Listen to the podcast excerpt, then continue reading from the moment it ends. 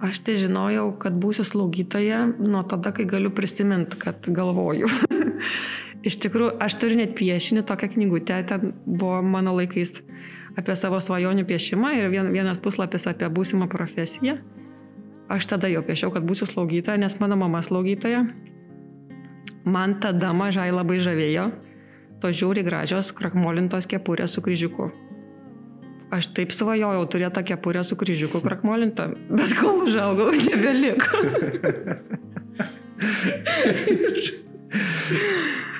Bet man, man stovi toks slaugytojas įvaizdis iš tų laikų, kai jos tokios blitz, tam krakmolitam kepurėm.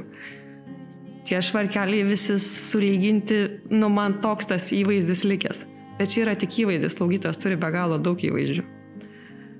Po to jau augant atsirado jau kiti dalykai, kad man tikrai taip artima yra ta at, atjauta, tas pagalba žmogui, kad tu kiek tu daug gali padaryti, kaip įdomu dirbti komandoje kaip yra įdomu su vis kitokiam, ypatingai, nu, aš esu pakeitusi porą skyrių ir žinau, kaip skiriasi be galo. Be galo skiriasi chirurginis, chirurginio profilio ir, ir, kitų, ir kitokių profilių komandos.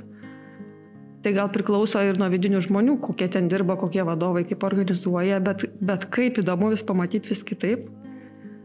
Tai man tas labai labai žavi, kad aš galiu padėti, kad aš galiu būti tarp žmonių, kad aš galiu dirbti komandoje ir gal ne visą laiką bus taip, kaip aš galvoju, bet kaip smagu prisitaikyti ir išgirsti kitus.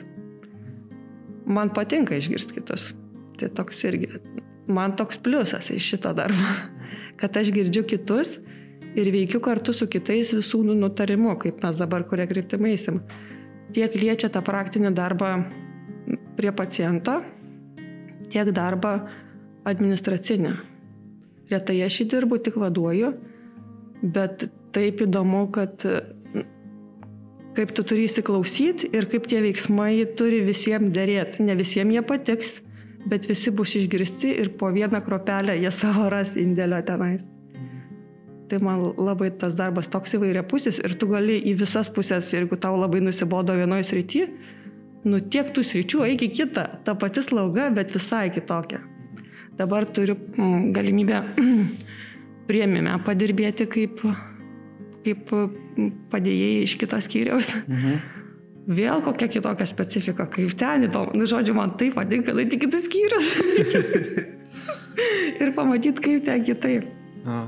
Gerai, kad priminėjai apie slaugytojas įvaizdį mažų dienų.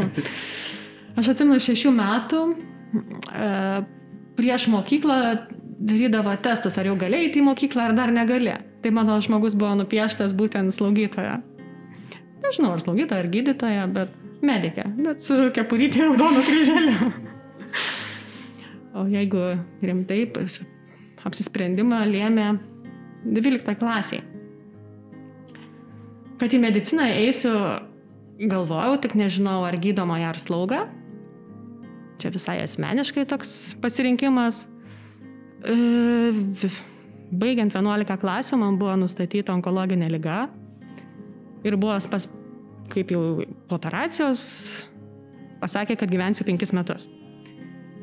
Tai taip pasiskaičiavau, kad 5 metai medicinos nu niekaip nebaigsiu. Prasme, man buvo svarbu pabaigti procesą. Tai galvo 12 klasė, jau vieni metai jau iškrenta, dar keturi liko, gerai, einu į slaugą, nes visada norėjau būti prie žmonių ir jiems padėti. Tai mano pasirinkimas buvo būtent slauga, gydomoji buvo įrašyta kažkur į stojimus, bet pačiu sąrašo gale, nes nu, nespėsiu pabaigti, tai labai man svarbu yra proceso užbaigimas. Tai va, taip ir tapau slaugytoja. Bet procesas nesustoja. Baigiau slaugos bakalaurą Vilniuje, man buvo labai svarbu išvažiuoti nuo tėvų ir pagyventi atskirai, nes esu kaunietė. Tai vien dėl to dar stojau į Vilnių, kad to savarankiško gyvenimo spėčiau pagyventi baigiau magistrą, paskui man norisi dar kažkokiu tai naujų įgūdžių ir atsirado išplėstinės slaugos praktika, įstojau vėl studijuoti, tai suma sumarom, aštuoni metai studijų prilyksta būtent tiek, kiek ir gydytojai baigia. Ir gyvenimas nestovi. Nežinau, kur dar stosi.